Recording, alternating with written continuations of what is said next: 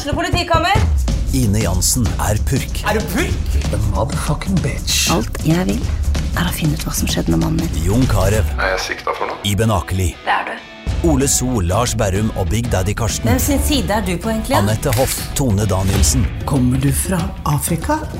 Jørnis Josef, Nesten. Kløfta. Trond Espen Seim, Det er synd å si det, men det var feil mann som døde. Purk. Premiere tirsdag på TV2 Play. Hei, takk for at du lytter til Søvnløs. Skulle du ønske at du kunne høre en ny episode av denne podkasten hver eneste uke? Vel, da er det bare å laste ned podkastappen Untold med en gang. I tillegg til ukentlige episoder av podkaster som Skrekkpodden, Truecrimepodden og Henrettelsespodden får du masse annet reklamefritt og eksklusivt innhold. Last ned Untold i AppStore eller Google Play, og start din 30 dagers prøveperiode i dag.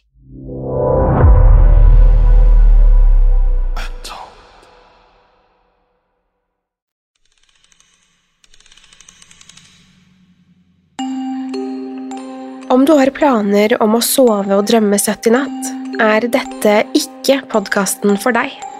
Hvis du er lettskremt, lett påvirkelig eller har søvnproblemer, bør du styre unna akkurat denne. Om du likevel vil ta sjansen, eller er på utkikk etter en unnskyldning for å ikke sove, så har du kommet til rett sted. Om du velger å bli, er du herved advart.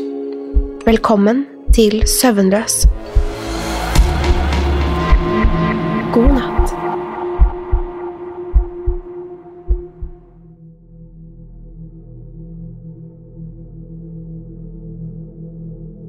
Jeg la først merke til det for tre uker siden.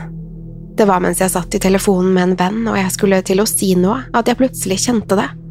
Jeg hostet og kremtet litt, før jeg svelget hardt en gang i et forsøk på å tvinge håret i halsen min ned i spiserøret. Likevel fikk jeg det ikke til. Etter å ha unnskyldt meg og lagt på røret, gikk jeg inn på kjøkkenet og tok et stort glass vann, men det hjalp heller ikke. Etter å ha irritert meg over det i flere minutter, bestemte jeg meg bare for å la det være.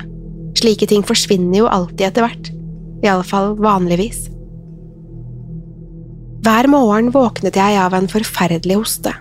Det hjalp ikke at jeg jobbet på kundeservice og snakket i telefonen hele dagen heller. Flere ganger i løpet av dagen ble jeg nødt til å stoppe midt i en samtale, noe som naturlig nok var lite populært. Om kveldene lagde jeg mat som jeg tenkte ville hjelpe til å renske opp halsen. Tykke supper og gryter, pasta og grøt, men ingenting hjalp. Etter at en uke hadde gått og det fordømte håret ennå ikke var borte, begynte jeg å bli ganske irritert. Du aner ikke hvor frustrerende det var. Enhver samtale ble avbrutt av kremting og hosting. Jeg fikk ikke lenger sove skikkelig fordi det kilte sånn i halsen. Jeg begynte å spise mye mer enn før, bare for å distrahere meg selv fra den ekle følelsen.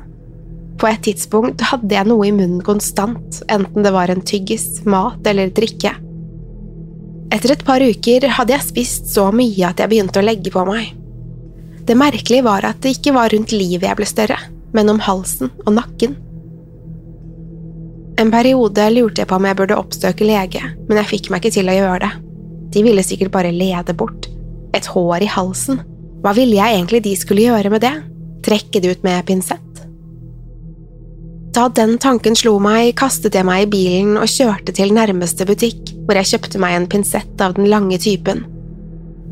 Jeg sto foran speilet den ettermiddagen med pinsetten i en skjelvende hånd og stirret på min egen refleksjon. Nå gjaldt det å være forsiktig. Jeg ville nødig bomme og skjære meg opp på innsiden av halsen.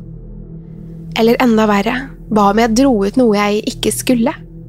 Jeg nølte, men tanken på å bli kvitt det irriterende håret hjalp på motivasjonen min. Jeg dyttet hånden inn i munnen og kjente meg forsiktig nedover halsen med pinsetten. Dypere og dypere ned i halsen bar det, men av en eller annen grunn hadde jeg ikke brekt meg ennå.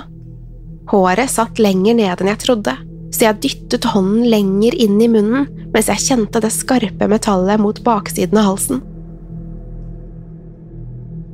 Akkurat da var det som jeg mistet taket i pinsetten.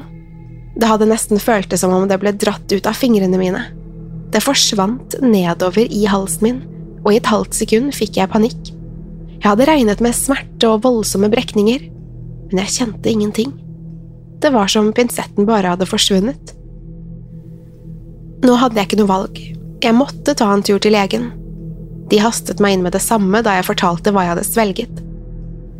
Da jeg endelig satt ansikt til ansikt med en lege og fortalte om alt sammen, nikket han stille og skrev noe ned på en datamaskin. Han hadde et uanfektet uttrykk i ansiktet, men jeg kunne se at han ble blekere for hvert ord jeg sa. Da jeg hadde fortalt ferdig, nikket han igjen og sa jeg måtte gjennom en endoskopi. Han skulle dytte et rør med et kamera ned i halsen min, for å så dra pinsetten ut.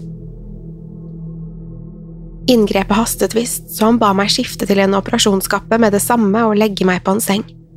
En rekke sykepleiere samlet seg rundt meg for å hjelpe til, og jeg fikk noe som skulle hjelpe meg å slappe av. Jeg lukket øynene og forsvant inn i en kaotisk drøm fylt av lys og farger. Så husker jeg ikke mer. Jeg bråvåknet plutselig av at jeg var i ferd med å kveles. Jeg lå fremdeles i sykehussengen. Lysene flimret rundt meg, og endoskopet satt fortsatt fast i halsen min. I panikk grep jeg tak i instrumentet og begynte å trekke det ut mens jeg forsøkte å la være å kaste opp. Det var forferdelig vondt, men til slutt fikk jeg det lange røret ut. Jeg kom meg ut av sengen og kjente hvordan bena mine skalv under meg. Da jeg kikket opp, innså jeg at jeg var alene på operasjonssalen. Det var ingen leger eller sykepleiere noe sted. Som om ikke det var nok, så rommet mitt ut til å ha blitt ramponert. Operasjonsinstrumenter og møbler lå spredt overalt. Overalt på de hvite veggene var det små flekker av rødt som jeg med gru innså at måtte være blod. Hodet mitt verket og hjertet hamret voldsomt i brystet mens jeg prøvde å forstå hva som foregikk. Jeg snublet ut døren og løp fra rom til rom mens jeg ropte på hjelp, men det var ingen noe sted. Hele bygningen så ut til å være forlatt, og hvert eneste rom var blitt endevendt. Overalt kunne jeg se de små røde flekkene på veggene, men ingenting som kunne forklare dem. Jeg gikk tilbake til operasjonssalen og var i ferd med å raske med meg tingene mine da jeg plutselig la merke til noe. En monitor sto og blinket ved sengen min. Midt på skjermen kunne jeg se et lite pausesymbol. Nølende trykket jeg på et par knapper på skjermen, og plutselig poppet videoen fra endoskopien min opp. Det var noe av det ekleste jeg noen gang har sett. Videoen viste innsiden av halsen min. De lyserosa veggene av kjøtt og innvoller skinte mot meg på skjermen idet kameraet skled nedover halsen min. Det var ingen lyd på opptaket, kun bildet av endoskopet som forsvant ned i kroppen min. Jeg ble lettet da jeg så at de fant håret som hadde plaget meg i ukevis. Så gikk lettelsen over i forvirring. Det de fant, lignet ikke et hår i det hele tatt. Det var mer som en slags klo, en svart, skarp klo som stakk ut av et oppsvulmet område i halsen min. Det mest skremmende var at jeg kunne sverge på at kloen beveget seg. Endoskopet nærmet seg forsiktig, og da kunne jeg ikke tro mine egne øyne. Halsen min åpnet seg i noe som minnet om en dyp avgrunn. Hullet var så mørkt at selv lyset fra kameraet ikke kunne trenge igjennom. Her så legen ut til å nøle litt. Kameraet sto stille et øyeblikk, før det sakte bevegde seg mot hullet. I omtrent et minutt av videoen var det ingenting å se. Det var helt til jeg begynte å legge merke til bevegelse. Først så det kun ut som dansende skygger, små hint av bevegelse som like gjerne kunne vært forårsaket av min egen pust eller muskelsammentrekninger. Etter hvert la jeg likevel merke til at legen også reagerte på bevegelsene. Kameraet rykket til hver gang noe skjedde, som om det forsøkte å følge de små bevegelsene. Av og til kom det som beveget seg i halsen min nærme nok kameraet til at det ble fanget opp av lyset. Det var i alle fall nok til å se formen og fargen på dem. De var mørkerøde, nesten svarte, men akkurat farget nok til at de skilte seg ut fra mørket ellers. Formen var avlang og smal som en slange. Fremmedlegemene nærmet seg kamera, nesten som om de var nysgjerrige, før de raskt forsvant igjen. Et øyeblikk glemte jeg helt at dette var bilder tatt inne i min egen kropp. Jeg la en hånd på magen og kjente etter om det var noen form for bevegelse der inne, men det var ingenting å kjenne. Igjen flyttet jeg blikket tilbake på monitoren, og nå var det enda mer bevegelse der. Flere skygger raste forbi kameraet i en voldsom fart, og nå så de ut til å ha blitt større. Skapningene svermet endoskopet og dekket det i tykt, svart slim. Snart var kameraet så tildekket at jeg ikke kunne se noe som helst. Det siste jeg så før opptaket stoppet, fikk innvollene mine til å slå koldbøtte. Jeg forstår ikke hvordan eller hvorfor alt sammen skjedde, eller hvordan han kom seg ned dit. Jeg har vurdert å gå til politiet med opptaket, men jeg er redd for hva som kommer til å skje med meg. Hva om jeg blir arrestert, siktet for å stå bak det hele? Eller enda verre, hva om de sender meg til et eller annet laboratorium og dissekerer meg? Likevel er jeg mer redd for hva som vil skje om jeg ikke gjør noe.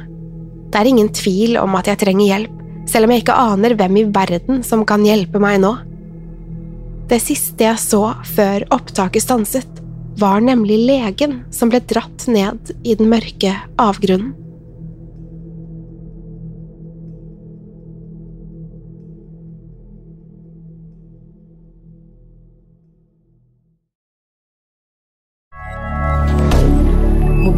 Media.